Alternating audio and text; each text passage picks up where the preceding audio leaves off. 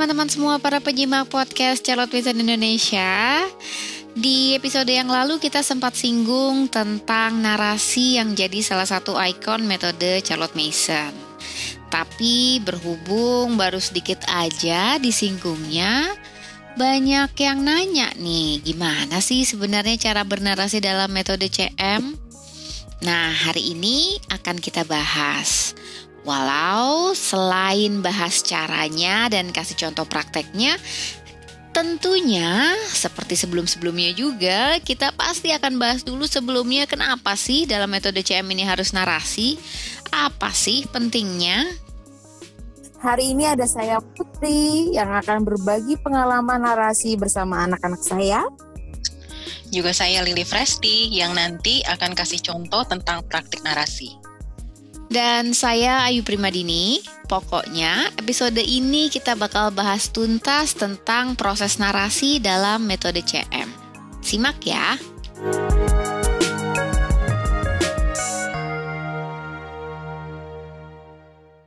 Kemarin aku dengerin tuh podcast episode minggu lalu ya, yang ada satu poin menarik buatku yang jadi kepikiran banget soal metode CM ini yang sebenarnya mengusung pendidikan mandiri.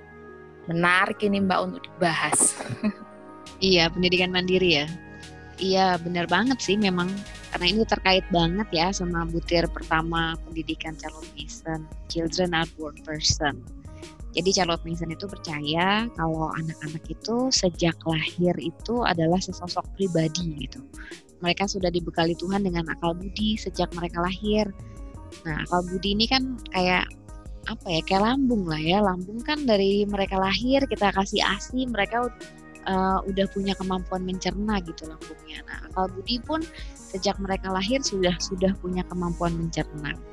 Nah karena Charlotte Mason percaya bahwa anak-anak sejak lahir sudah punya akal budi maka anak-anak sejak lahir sudah bisa punya kemampuan mencerna maka pendidikan ya seharusnya datang dari dalam diri mereka sendiri gitu. Jadi pendidikan harus mandiri kalau di metode CM prinsipnya jadi seperti itu.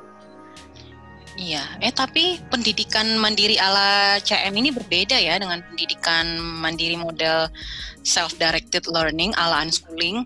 Mm-hmm. Kebetulan kan aku dulu sempat tuh jadi praktisi unschooling sebelum akhirnya jadi praktisi CM. Mm. Eh, kalau unschooling, otoritas dan keputusan belajar itu kan ada di anak. Jadi orang tua tuh nggak wajib menyajikan kurikulum belajar berupa ide hidup dan latihan kebiasaan baik secara terstruktur, konsisten dan metodis setiap harinya seperti yang kita lakukan di CM. Hmm. Kalau unschooling itu kan berinteraksi dengan pengetahuan dan proses belajarnya terjadi secara alamiah dan bebas gitu aja mengikuti proses belajar dan maunya anak kan. Jadi anaknya mau belajar apa hari ini gitu ngikutin ya setiap hari apa gitu. Ya. Iya, anaknya yang menentukan, yang memutuskan, harus sepakat sama anaknya gitu. Hmm. Sementara kalau CM kita orang tua kan wajib menyajikan pengetahuan sebagai bagian dari kerja pendidikan untuk tujuan akhir peluhuran karakter kan. Terlepas dari anak mau atau nggak mau. Tapi kan karena kita paham benar gitu loh, itu tuh sesuatu yang baik dan benar untuk pendidikan karakternya. Tapi di sini poinnya ya sebenarnya uh, mm-hmm. yang bikin mungkin tadi kan Putri nanya kan di awal kurikulum Charlotte Mason itu kan kesannya sangat terstruktur gitu. Terus mm -hmm. kok bisa jadi pendidikan mandiri gitu ya? Mungkin yang mm. bikin orang bertanya-tanya juga ya. Betul betul. Iya, memang ini sih uh, sama seperti unschooling ya kesannya, mm. karena subjek belajarnya itu kan anak, sehingga pengetahuan itu ya yang ngunyah ya secara mandiri oleh anak yang dikunyah sendiri oleh anak. Hmm. Nah kalau di CM mengunyah pengetahuan itu kan lewat metode narasi terutama hmm. karena yang kita sajikan itu kan ide hidup ya yang perlu dicerna gitu kan dan lewat narasi banyak banget kebiasaan belajar yang baik yang bisa ditumbuhkan dalam ya. karakter anak Mm-mm. sebetulnya kan ada beberapa prinsip memang yang beririsan yang menjadikan unschooling dan CM ini uh, sama-sama mengusung self education pertama itu keduanya itu kan apa ya sama-sama mengingat mengimani kalau kodrat anak secara alami adalah pembelajar mandiri artinya sebagai manusia terlahir dengan hasrat belajar alami eh, rasa haus akan pengetahuan yang tinggi gitu Iya, lalu hasrat inilah yang terus uh, perlu ditumbuhkan dan dipelihara kan sebagai modal anak untuk belajar secara mandiri sepanjang hayat kan. Hmm. Nah, semua praktek atau metode yang dilakukan jangan sampai kontraproduktif dengan prinsip itu alias jangan sampai kodrat pembelajar alami tadi itu uh, jadi padam, tapi sebaliknya harus terus tumbuh. Balik lagi kalau ke CM, metode narasi yang kita gunakan dalam CM ini kan justru sejalan ya dengan keyakinan akan kodrat anak tadi. Soalnya ya, ketika narasi itu meskipun orang tua yang menyuplai anak dengan beragam pengetahuan yang kaya akan ide hidup, namun kan tetap anak sendiri yang harus mencerna pengetahuan itu. Oh, kita nggak mm -mm, boleh ngasih opini kita terlalu banyak gitu ya. Kita nggak boleh kasih ter ceramah terlalu banyak ya. Kita cukup jadi uh, menyajikan pengetahuan itu tanpa menjadi penengah antara anak dengan pengetahuan gitu ya prinsipnya. Iya, tugas kita cuma menyuguhkan gitu sampai situ saja. Yang kita sebagai orang tua ya membebaskan anak berelasi dengan sajian ide mana yang kita berikan gitu. Terus ada prinsip lainnya kan, keduanya memang eh, sama-sama percaya bahwa anak itu akan belajar ketika dia uh, tertarik, tergugah gitu, termotivasi, terhubung atau terpikat akan suatu hal dan ide gitu. Hmm. Teman-teman unschooling memang tidak membatasi diri ya menghadapkan anak pada pengetahuan pemuatan ide-ide hidup. Artinya bagi mereka itu semua pengetahuan setara gitu. Mm uh, iya, jadi bisa jadi kesempatan belajar datang dari mana saja dan hal apa saja gitu. Nah, kalau kita uh, praktisi CM gitu ya, sebetulnya juga tidak membatasi diri ya. Tapi ketika kita menyadari children gitu ya will learn best when they are inspired gitu ya. Ketika mereka itu terinspirasi sesuatu, maka ada saat-saat tertentu orang tua wajib dan fokus menyuguhkan pengetahuan uh, yang beragam berupa ide-ide hidup yang udah jelas inspiratif ya, sekaligus menggugah benang anak tadi. Dan anak wajib narasi untuk mencerna ide-ide hidup tersebut. Dan memang proses narasi ini kelihatannya sederhana banget ya. Kita bacakan mm -hmm. buku atau anak membaca buku sendiri, terus mereka menceritakan kembali apa yang mereka dengar atau mereka baca itu. Tapi sebenarnya susah banget ya sebenarnya narasi ini ya. itu kalau gampang-gampang susah ya. Iya, kalau nggak fokus itu ya gimana mau ceritain kembali gitu kalau anaknya nggak terbiasa untuk nyusun kalimat demi kalimat sendiri gitu kan pasti wah di kepalanya ngerti sih gitu. Tapi ini ngeluarinnya lagi tuh gimana gitu ya. Jadi memang proses narasi ini walaupun terkesan remeh tapi sebenarnya sebuah proses yang luar biasa terutama kalau dilakukan setiap hari dan konsisten terus menerus dilakukan ya Betul, aku merasakannya. Manfaat narasi yang disebutin Mbak Ayu tadi aku merasakan banget gitu. Mm. Jadi aku cerita sedikit boleh ya? Boleh. Ya, gimana aku jadi punya anak yang Kenzi ya, anakku yang kedua itu di usia 4 tahun tuh ngomongnya gagap, agak galau mm. waktu itu waktu itu waduh ini kok ngomongnya gagap gitu mm-hmm. terus tapi sejak itu aku mulai sering ajakin ngomong pelan-pelan gitu mm. ngomongnya itu kayak uh, uh, uh, uh, kayak ada sesuatu yang mau diomongin tapi nggak tahu dia atau kalau nggak ngomongnya nggak terstruktur misalkan dia mau hmm. ngomong aku ma aku tadi pergi ke pasar keluarnya aku hmm. tadi pasar gitu saking hmm. kayaknya ada banyak yang mau diungkapkan tapi keluarnya cuma seperti itu gitu akhirnya tadi selain aku ajak ngobrol gitu ya terus aku bacain buku setiap mau tidur waktu itu kalau nggak salah bukunya Heidi hmm. nah di situ sih nggak ada sesi khusus yang harus narasi ya habis ini enggak gitu dia aku cuma bacakan aku narasi sendiri dia nanggepin hmm. terus akhirnya dia mulai ikut bercerita tanpa hmm. sadar dia sebenarnya lagi bernarasi apa dia sadari gitu hmm. hmm, hmm awal-awal dia narasi sih memang masih agak gagap-gagap tapi aku hmm. entah kapan juga udah nggak sadar dia mulai cerita lancar ya mbak tapi ya tahu-tahu dia udah ngomong lancar gitu sejak eh, tujuh tahun udah mulai bisa narasi kelas terstruktur dengan narasi sesi narasi khusus gitu. Mm-hmm. Jadi tujuh, dari empat tahun gagap tujuh tahun udah langsung lancar ya? Lancar. Tuh kalau Naila dulu tuh uh, karena dia mantan anak sekolah tadi jadi apa-apa diapalin gitu ya. Jadi kalau disuruh narasi itu diminta untuk narasi, dipikirnya itu ya plek sama apa yang kita bacain gitu. Bacain Iya. apa ya harus sama gitu. Jadi bikin dia itu nggak pede sih Mbak. Jadi ngerasa kok aku nggak kok nggak bisa ya, aku kok nggak bisa gitu ya. Terus akhirnya wah ini kayaknya aku perlu merefleksikan dulu ini, observasi dulu kan. Terus akhirnya aku pelan-pelan aku contohkan, kita narasi gantian gitu ya. Biar seru aja sih, aku narasi, dia narasi gitu. Dibacakannya sedikit-sedikit gitu. Hmm. Dulu awal-awal narasi itu hmm, baca satu kalimat nih, keluarnya cuma satu kata. ya nggak apa-apa gitu, aku terima gitu. Yang penting kan dia percaya diri dulu gitu ya. Itu aku Bisa jadi keli- ingat cerita ini loh, ceritanya eh, dulu waktu kita temu raya Charlotte Mason yang pertama kan kita Heeh. mengundang praktisi Charlotte Mason dari Amerika yang udah veteran gitu ya, anaknya udah umur 30 tahunan itu kan, di Howler gitu. Terus Katie itu anaknya eh, dulunya autis gitu. Oh, Hmm, dan bahkan Katie bilang yang menyelamatkan anakku untuk bisa lancar berbicara, pede berkomunikasi ya proses narasi ini. Dulu anaknya pertama kali narasi ya persis kayak Putri bilang tadi gitu, dia bacain satu paragraf, tiba-tiba yang keluar cuma satu kata gitu, cuma cuman kayak gitu. Tapi karena Katie terus menerus dampingin sampai akhirnya berproses gitu. Dan sekarang anaknya sudah dewasa gitu udah 20 tahunan lebih waktu itu kayaknya. Ya normal udah jadi anak kayak normal aja komunikasinya. Udah ini ya lancar ya. Mm-mm, jadi diselamatkan oleh proses narasi kalau kata dia.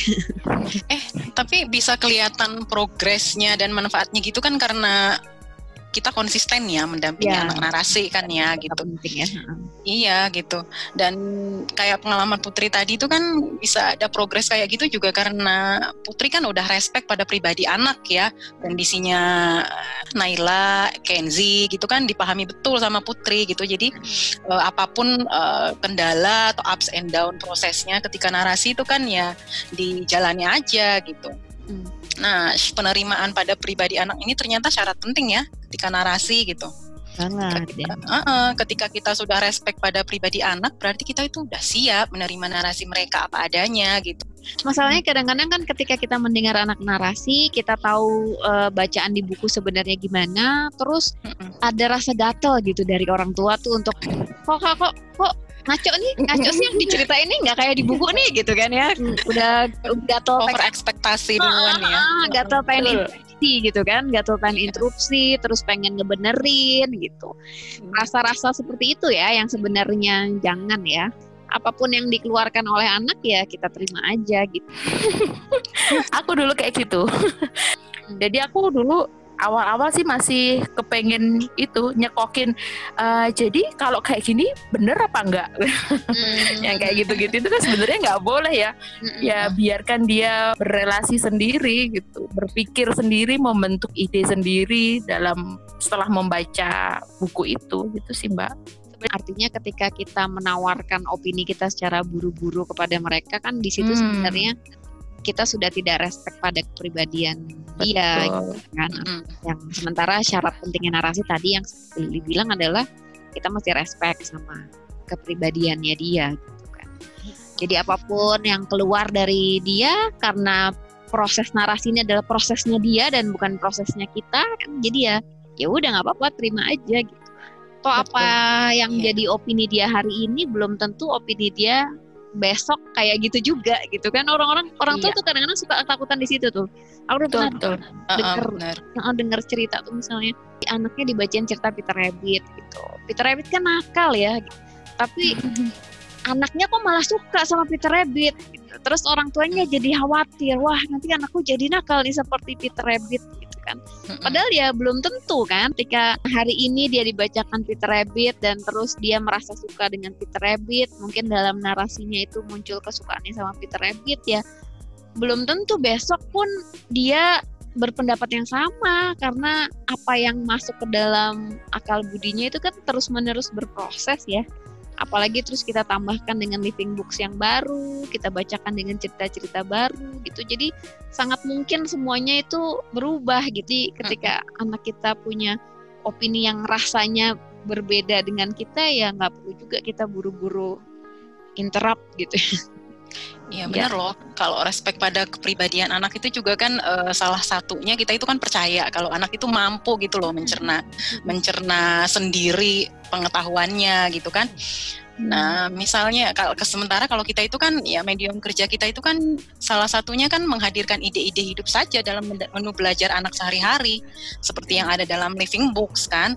Nah, ini seiring sejalan dengan kerja kita melatih kedisiplinan anak untuk narasi gitu. Jadi semakin dia terlatih narasinya, dia mencerna uh, ide-ide hidup yang kita sajikan itu kan juga semakin uh, apa ya semakin mampu ya gitu. Semakin tumbuh gitu kemampuannya gitu. Kan kita pengennya anak mampu ya mencerna secara mandiri ide-ide hidup yang ada dalam living books kan? Mm Mm, karena kita kan yakin ide-ide apa ide-ide hidup itu kan bagus banget untuk meluhurkan karakternya dan itu ya bisa lewat narasi ini gitu. Jadi pustaka hidup itu memang syarat penting untuk narasi ya, Yu ya, Put. Iya banget sih ya. Kalau bukunya ya nggak hidup ya iya gimana tuh narasinya narasi. kebayang nggak mudah pastinya ya untuk menarasikannya karena menarasikan fakta itu susah ya kalau yang dinarasikan adalah fakta demi fakta gitu. Men mental kita kan nggak bekerja ya menarasikan fakta itu apa sih gitu jadinya hafalan tadi mbak nah iya jadinya ngafal jadi memang salah satu yang bikin sukses narasi adalah bukunya itu ya bukunya mm -hmm. harus hidup gitu ya mm. harus naratif harus sastrawi gitu mm -hmm.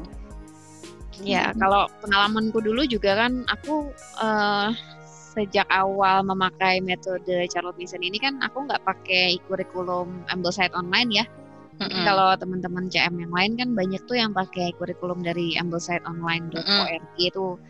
Nah, jadi karena aku nggak pakai kurikulum AO itu, aku harus cari sendiri kan bukunya gitu. Nah, mm-hmm. dalam proses mencari buku itu aku ngerasain banget sih memang yang namanya buku itu jadi penting banget untuk narasi karena kalau bukunya udah nggak menarik, bukunya itu tidak hidup, orang tuanya tidak tertarik, anaknya juga susah mau narasi gitu. Jadi kayaknya semuanya saling terkait ya kalau bukunya yeah menarik terus kita yang bacain juga suka gitu. Jadi anaknya narasi pun mudah gitu. Jadi buku tuh kalau udah kayak gitu bukunya ternyata nggak naratif aku langsung tutup ganti buku iya buku yang dinarasikan haruslah sebaiknya tuh ya naratif gitu ya harus ya harus naratif ya hmm. syarat penting gitu ya Iya, aku juga ngerasa itu sih.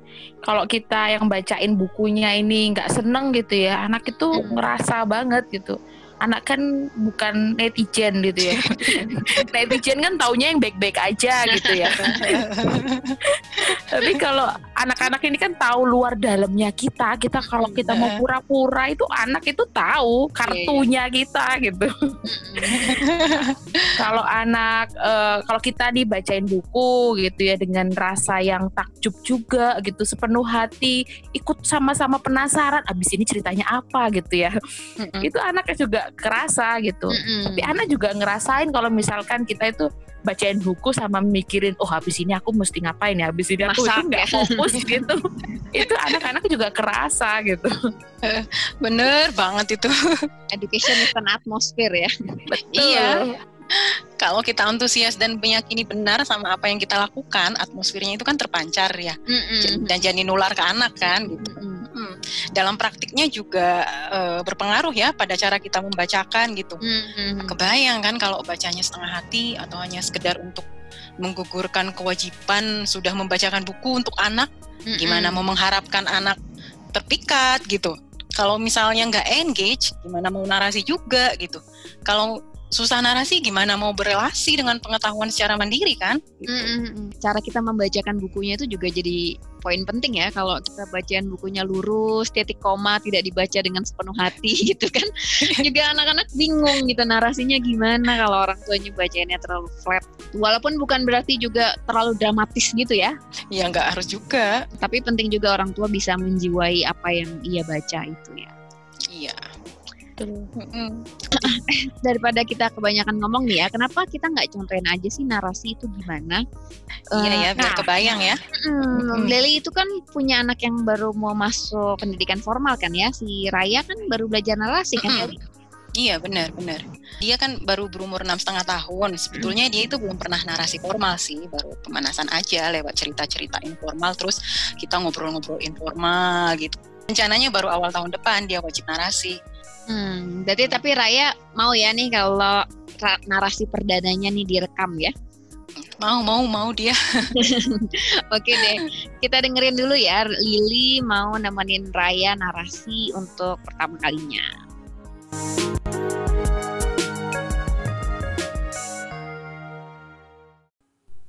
Raya, Bundi bacakan satu kisah Aesop ya. Nan- Ya. Nanti Raya coba narasikan. Ya, Sudah siap? sudah. Kita mulai ya. Ya. Fokus ya. Ya, Bu. Gagak dan kendi. Pada musim kemarau panjang, burung-burung begitu sulit mencari minum.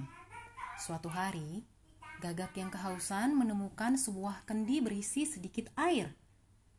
Namun karena bentuk kendi yang tinggi lagi berleher sempit, biarpun telah mencoba dari segala arah, paruh gagak tak kunjung berhasil mencapai air di dasarnya. Makhluk malang itu merasa yakin tak lama lagi ia akan segera mati kehausan. Tiba-tiba gagak mendapat ide. Dia memunguti kerikil-kerikil kecil dan menjatuhkannya satu persatu ke dalam kendi. Tiap kerikil membuat air naik, sedikit demi sedikit sampai akhirnya cukup dekat dengan mulut kendi, sehingga ia bisa mencecapnya. Sedikit kecerdikan bisa memberi jalan keluar. Nah, sekarang Raya coba ceritakan kembali ya. Gagak dan kendi. Pada suatu hari musim panas, ada ada gagak dan gagak itu sangat kehausan. Dan suatu dan dan suatu hari ia menemukan sebuah kendi yang berisi air. Ia tapi ia tak dapat meminumnya karena kendi itu sangat sempit dengan leher yang sangat dengan lubang yang sangat kecil dan airnya sangat sedikit dan kendi itu tinggi. Akhirnya gagak mendapat ide. Dia memasukkan kerikil-kerikil ke dalam kendi itu dan makin lama makin lama demi sedi- sedikit demi sedikit air mulai naik ke at- ke atas dan akhirnya sampai sampai di ujung di mulut kendi. Dan gagak pun dapat mengecap airnya dengan sangat perlahan. Dan kecerdikan dapat membuat kamu kecerdikan dapat membuat kamu bisa tidak ke tidak tidak akan mati dan kau pasti akan selalu bahagia Oke, makasih ya. ya Oke, thank you Lili dan Raya. Wah, itu Raya baru belajar narasi kok udah lancar banget sih narasinya. Ih, keren banget Raya. Makasih ya Tante Ayu, Tante Putri. Sebenarnya lancar nggak lancar itu kan prinsipnya kita apresiasi dulu ya usaha anak karena udah bersedia narasi ya. Iya, Gitu. iya, iya. Itu narasi pertama aja gitu ya. Iya, soalnya kan dia udah terbiasa ya dengar kakaknya narasi ya. Jadi kayaknya sih nggak bersusah hati gitu loh Mm-mm. apa eh, melakukan narasi. Jadi sudah nggak menganggap narasi itu tuh sesuatu yang berat atau sesuatu yang menakutkan. Ya bukan hal baru gitulah Mm-mm. istilahnya gitu. Dan justru lewat narasi kayak gini kita jadi tahu ya anak-anak tuh sebenarnya pahamnya sih sudah sampai mana gitu ya. Hmm, ya banget yuk. Kayak narasi raya tadi kan. Kita kan hanya bacakan sekali tuh, lalu Mm-mm. dia kita minta narasi. Jadi kelihatan banget kan imaji mental alias mata pikirannya tuh sedang bekerja keras gitu mencerna bacaan lalu harus memproduksi kembali kan pemahamannya dari bacaan dengan bahasanya sendiri lewat narasi. Mm-mm. Mm-mm, lucu banget pasti tuh mukanya tuh ya kalau lagi narasin gitu. Kayak mikir gitu. Terus kan aku yang aku perhatikan juga kesimpulannya itu tadi kan, kalau ditelaah sekilas agak ngawang-ngawang ya. Dia Hmm. sepertinya paham sih maksudnya, tapi masih kesulitan seperti yang tadi kita ceritakan di awal ya, mungkin kesulitan merangkaikan kata yang pas atau menemukan diksi yang tepat gitu untuk Mhm. mengungkapkan pemahamannya gitu. Tapi eh, kita nggak usah interupsi ataupun menilai anak masih penilaian langsung pada saat dia narasi sih. Ini jadi catatan evaluasi buat pribadi kita aja sebagai orang tua gitu. Hmm, hal itu kan wajar banget sebetulnya ya. Wajar banget. Kan namanya juga masih belajaran kan. Mm-mm. Seiring waktu, seiring bertambahnya usia dan bertambahnya jam terbang anak dalam narasi, dia kan akan makin mahir ya, makin lancar mengungkapkan pikirannya sendiri dengan menggunakan kata-kata yang lebih eh, tepat gitu. Kenzi tadi buktinya ya. Gitu. Eh, oh iya, kalau ada yang menurutku ngambang, rancu, biasanya aku jadikan bahan pancingan untuk diskusi atau ngobrol Hmm. gitu setelah sesi narasi gitu. Nah, misalnya kalau dari contoh Raya tadi kan dia menyimpulkan tuh kecerdikan tidak akan membuat kamu akan mati dan kamu akan selalu bahagia gitu. Kayaknya pede banget ya. Lucu banget loh dia. Nah, kan agak rancu tuh dan ngawang-ngawang kan. Mm-mm. aku eh, tadi tanyakan balik maksudnya. Apa maksudnya tuh kecerdikan tidak akan membuat mati Raya gitu kan? Ternyata maksudnya katanya itu si gagak jadi bisa bertahan hidup gitu. Terus Iya, aku iya. tanya lagi maksudnya kenapa kecerdikan membuat bahagia Raya terus katanya eh, si gagak senang karena selamat dari kehausan berkat menemukan ide hebat oh gitu toh jalan pikirannya gitu Hmm. jadi paham kan gitu Mm-mm. Heeh, seru banget ternyata lo ya. Salah satu yang bikin narasi seru itu memang karena habis narasi kita bisa memancing anak dengan eh, pertanyaan-pertanyaan kayak gitu ya. Kita bisa Mm-mm, jadi Iya. mm-mm. jadi paham jalan pikirannya si anak, sudut pandangnya dalam memandang sesuatu tuh gimana gitu. Mm-mm. Nah iya, walaupun kadang-kadang anak-anak berhasil narasi dan menurut kita nggak ada yang perlu ditanyakan dan anak-anak juga nggak nanya, terus ya udah selesai aja gitu proses narasinya ya. Sering juga kayak gitu gitu. Mm-mm. Gak ada misalnya sesuatu yang kelihatan ah, ngambang atau eh, misalnya yang yang memantik untuk diskusi ya sudah gitu kan. Mm-mm. Kita percaya anak ya udah berarti dia sudah mencerna sendiri kan. Kalau kayak gitu gimana tuh? Ya nggak apa-apa juga sih ya kalau emang anak nggak mengeluarkan sesuatu statement yang terkait dengan hal itu atau nggak punya pertanyaan atau menurut kita juga tidak ada yang perlu didiskusikan ya nggak usah dipaksain juga ya. Kita imanin aja kalau apa yang kita tabur ya pasti tumbuh entah kapan itu tumbuhnya. Kalau pengalamanku sih nantinya ketika dia ngelihat ada sesuatu yang berkaitan dengan apa yang dia pernah narasikan entah itu sebulan kemudian, dua bulan kemudian, setahun kemudian gitu. Kadang-kadang baru deh tuh dia bisa mulai-mulai tiba-tiba inget gitu ya. Itu kok Mm-mm. kenapa ya? Eh gambarnya itu mirip eh, lukisannya Mary Cassatt gitu misalnya kan atau atau gitu kenapa sih cerita tokoh yang itu kok nggak kayak ceritanya Cincinnatus gitu. Jadi bisa banget ya munculnya tuh bukan saat itu tapi jadi bahan diskusi untuk beberapa waktu kemudian gitu ya. Bener. Lagi ya, lagi pula kan kalau relasi itu kan nggak harus langsung terlihat pada saat itu juga kan gitu. Bisa jadi ya memang eh, mengeram aja di benaknya gitu dan nggak terungkap aja pada suatu saat dia ketemu situasi yang memantik eh, relasinya eh, terungkap gitu ya keluar gitu kan. Mm. Intinya kan narasi itu juga bisa menggambarkan relasi pribadi anak ya dengan pengetahuan dan pastinya eh, sifatnya personal banget gitu proses terjalinnya relasi ini jadi bisa beda-beda tiap anak gitu. Walaupun misalnya bacaannya sama, bisa jadi ya relasi tiap anak itu beda-beda. Sudut pandangnya ataupun bagian-bagian yang eh, membuat anak tergugah tuh bisa jadi berbeda gitu. Ya, makanya Nah. disebut self education ya.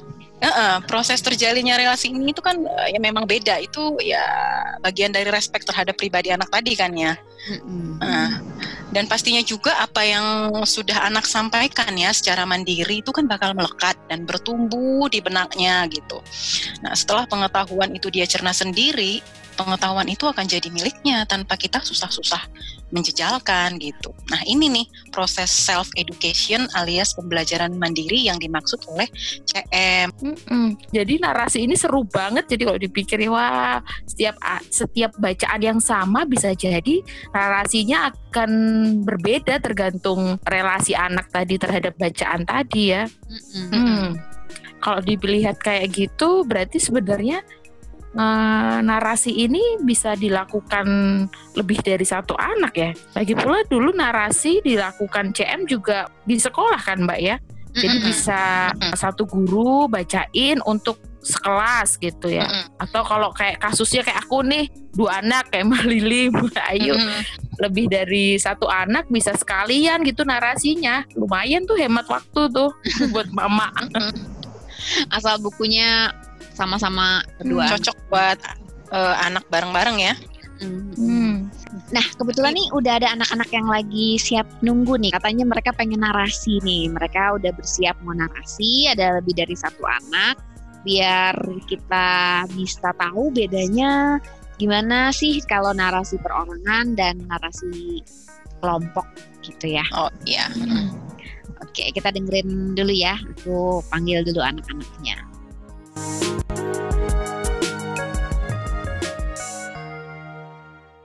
Oke, sekarang bersama saya sudah ada tiga orang anak nih. Ada siapa aja ya? Kita kenalan dulu yuk. Halo, nama aku Fritz. Umur aku 11 tahun. Halo, nama aku Gendi, umur 11 tahun. Halo, aku Steven. Saya berumur 13 tahun. Oke, okay, uh, eh, Gandhi, Fritz, sama Steven udah siap narasi ya? Udah. Hari ini kita mau coba narasi bareng-bareng ya. Tante Ayu akan bacakan, kalian dengarkan. Nanti setelah Tante Ayu selesai bacakan, Tante akan minta kalian narasi ya, satu-satu gantian nanti. Oke? Okay? Siap ya? Oke. Okay. Siap. Oke. Okay.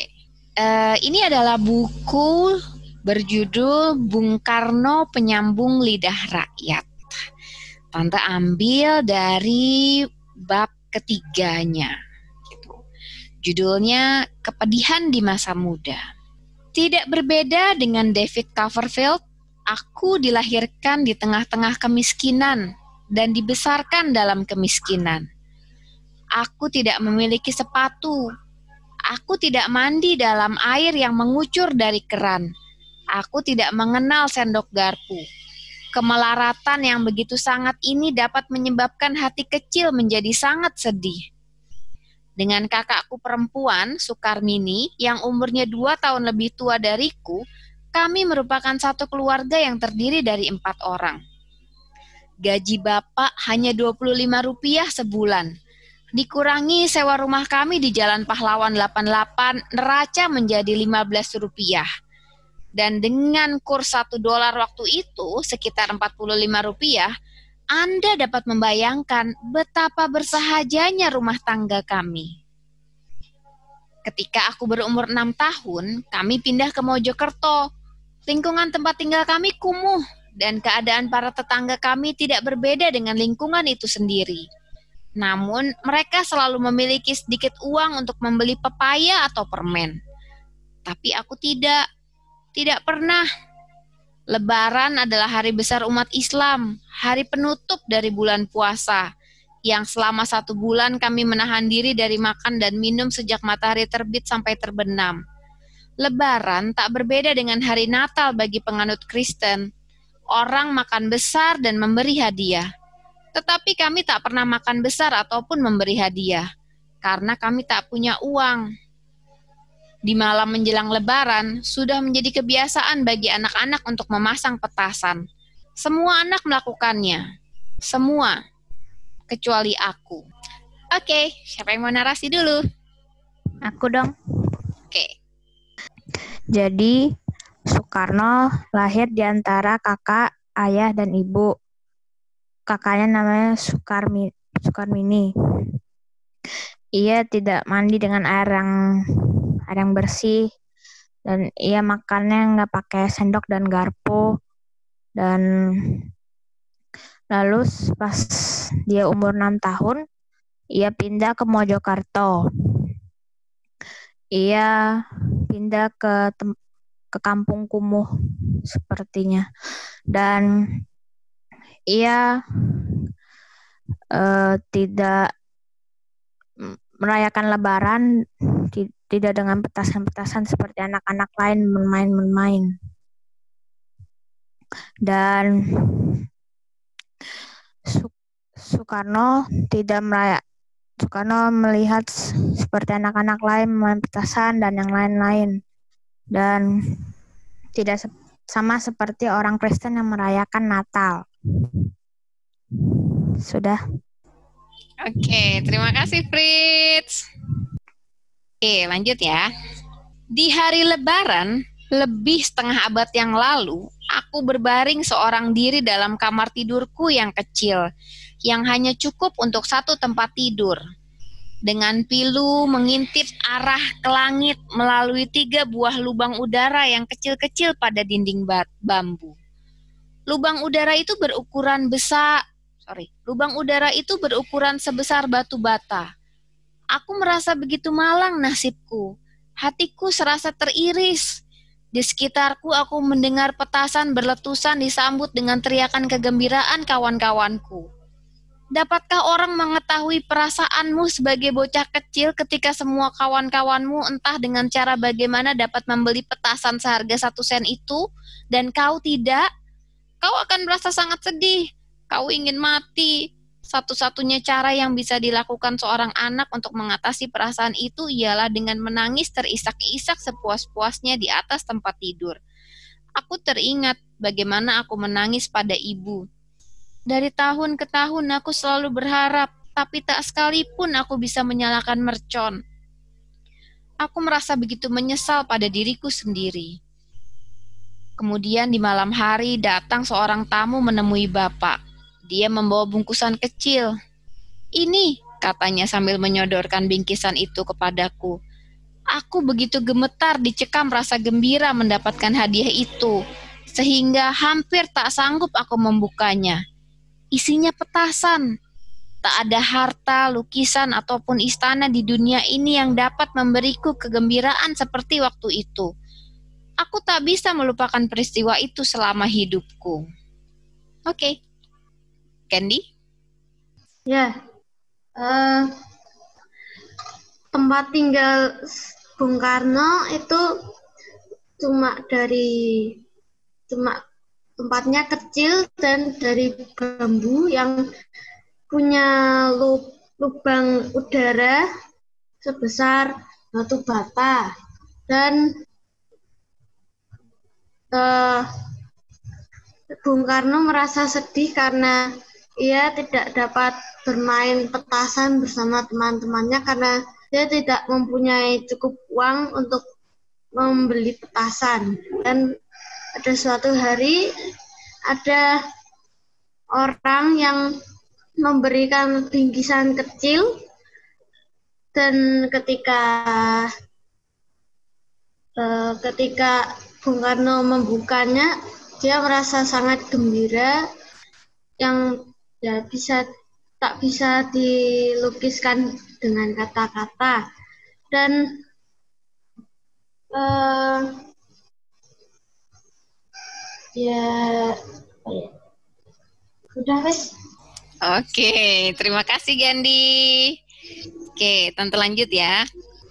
Kami begitu melarat kami begitu melarat sehingga sering tidak bisa makan nasi satu kali dalam sehari. Kebanyakan kami memakan ubi kayu, jagung yang ditumbuk dengan bahan makanan lain. Ibu malahan tidak mampu membeli beras biasa seperti yang suka dibeli oleh penduduk desa dia hanya bisa membeli padi.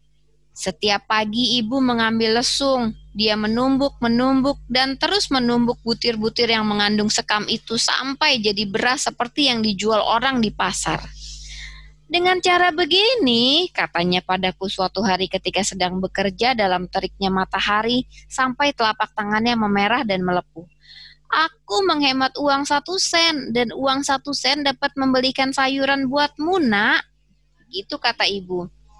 Sejak hari itu sampai beberapa tahun kemudian, setiap pagi sebelum berangkat sekolah, aku menumbuk padi untuk membantu ibuku. Kemelaratan seperti yang kami alami itu menimbulkan keakraban. Bila tiada sesuatu untuk dimakan, bila nampaknya aku tidak punya apa-apa di dunia ini selain dari ibu, aku lengket padanya karena dia adalah satu-satunya sumber pemuasan hatiku. Dia adalah permen yang tak dapat kumiliki dan dia adalah semua milikku yang ada di dunia ini. Oh, ibuku memiliki hati yang begitu besar. Bapak sebaliknya adalah seorang guru yang keras. Sekalipun sudah berlangsung berjam-jam, dia tanpa menaruh kasihan mengajariku membaca dan menulis. Sekarang Karno, hafal ini dalam hati. Hana Caraka. Sekarang Karno, pelajari A, B, C, D, E. Begitu terus-menerus sampai kepalaku terasa pusing.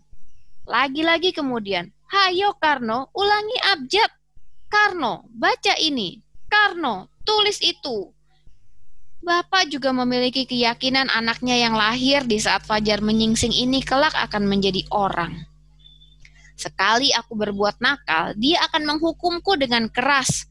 Seperti di pagi itu, aku memanjat pohon jambu di pekarangan rumah kami, dan aku menjatuhkan sarang burung.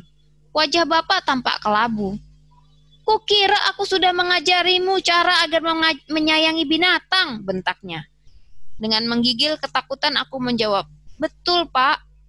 Masih ingatkah kau arti kata-kata tatuan tatuan tatuan asih tatuan asih? Artinya dia adalah aku dan aku adalah dia, engkau adalah aku dan aku adalah engkau. Dan apakah tidak kuajarkan kepadamu bahwa ini memiliki arti khusus? Kata Bapak. Iya Pak, maksudnya Tuhan berada di dalam diri kita semua, jawabku dengan patuh. Dia menatap pada penjahat yang masih berumur tujuh tahun itu. Bukankah engkau sudah diperintahkan untuk melindungi makhluk Tuhan?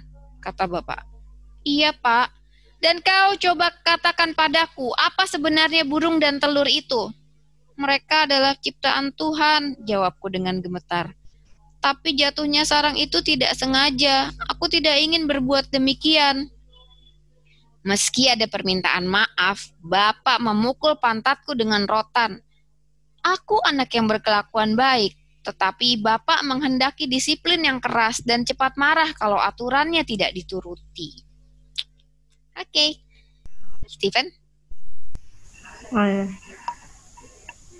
Soekarno merasa kalau ibunya adalah sosok yang baik dalam dan ra, dan lembut di kehidupannya.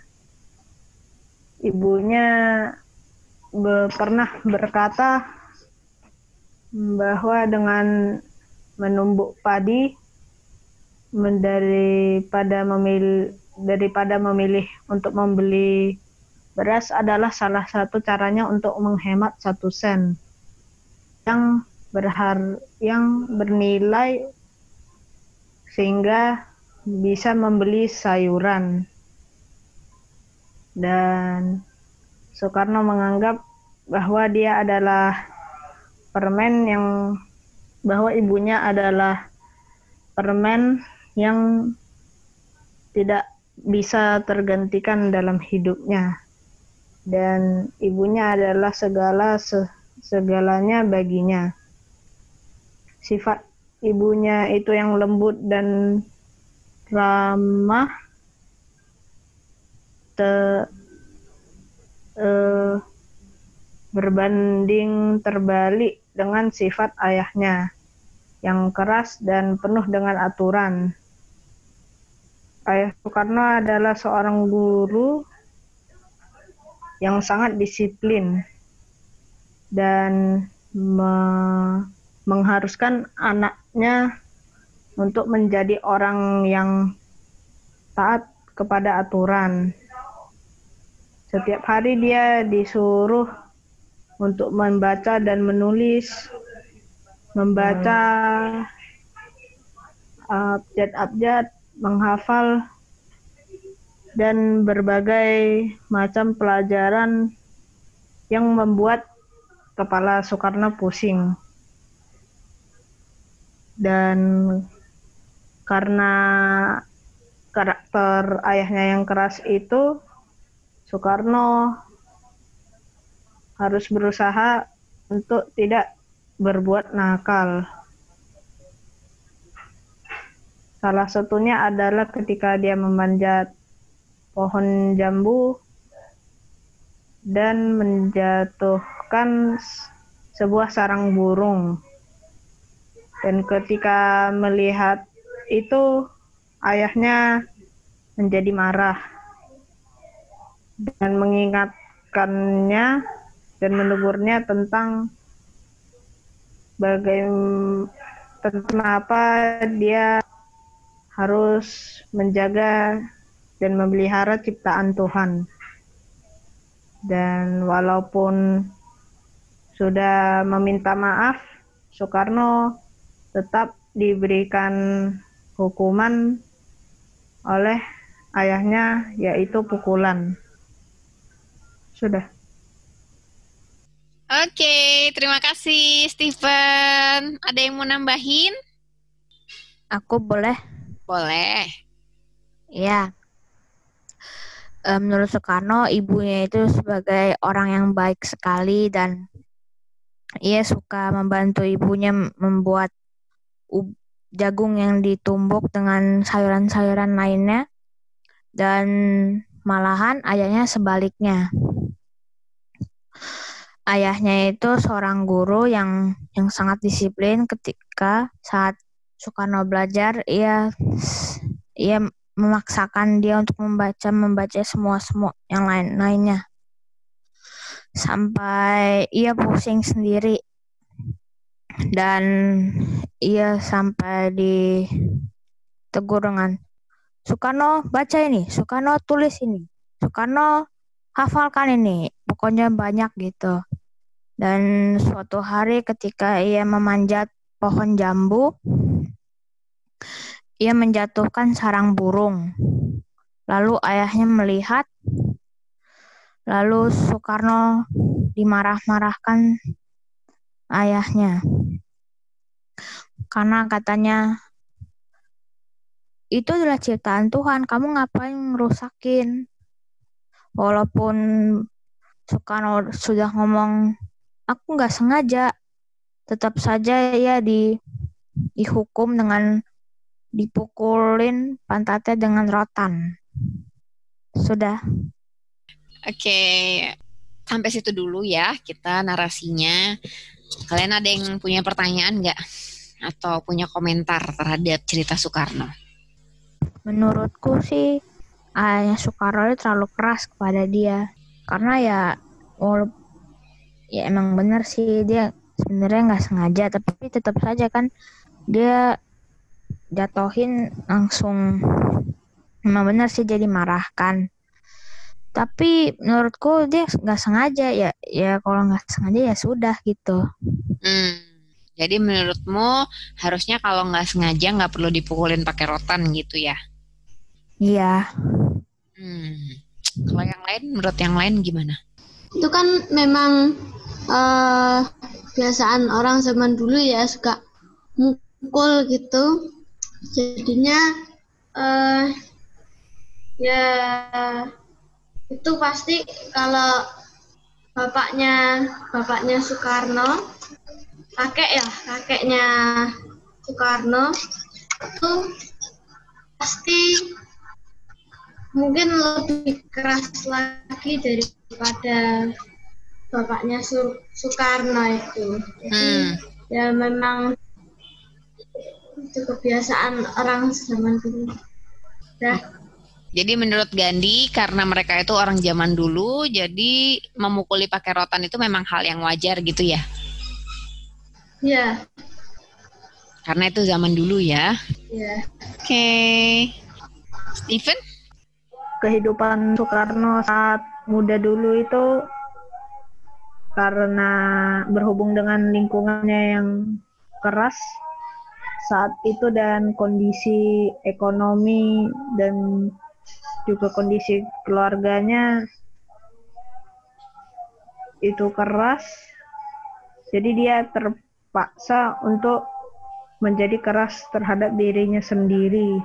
Hmm. jadi ibunya mengajarkan kelembutan dan juga kebaikan kebaikan. Sedangkan ayahnya di ayahnya mengajarkan kebaikan juga. Tetapi mengingatkan kepada dia bahwa hidup ini tidak hanya tidak mudah. Jadi kadang-kadang pada waktu-waktu pada waktu tertentu kita bisa saja mengalami saat-saat yang susah. Dan dan dalam kehidupan kita kita juga perlu taat pada aturan teratur dan disiplin dan karakter itu harus dibentuk dan itu harus bersifat tetap dan bertahan lama di diri kita. Oke, berarti menurut Steven disiplin yang diterapkan oleh orang tua Soekarno itu membentuk Soekarno menjadi pribadi yang keras dan besar, jadi jadi orang besar seperti itu ya. Ya. Yeah. Oke, kalau gitu terima kasih ya Steven, Gandhi, Fritz udah mau bernarasi hari ini bersama Tante Ayu. Sampai jumpa lagi di lain kesempatan ya. Ya. Yeah. Oke. Okay. Oke. Okay. Dadah semuanya. Dadah. Dadah. Dadah. Dadah.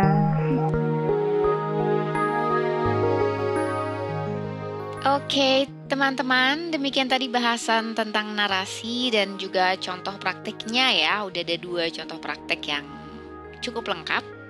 Harapannya habis ini teman-teman bisa punya gambaran seperti apa sih praktek narasi dalam metode CM itu. Kalau masih ada pertanyaan, boleh lo layangkan ke email kita di charlottemasonid@gmail.com atau mampir ke akun Instagram kita at Charlotte Mason ID ataupun ke Facebook grup komunitas Charlotte Mason Indonesia. Silahkan loh ya lemparkan pertanyaan atau diskusi-diskusi yang terkait dengan bahasan-bahasan dalam episode kali ini maupun episode-episode sebelumnya. Kami tunggu ya. Sampai jumpa di episode berikutnya. Dadah.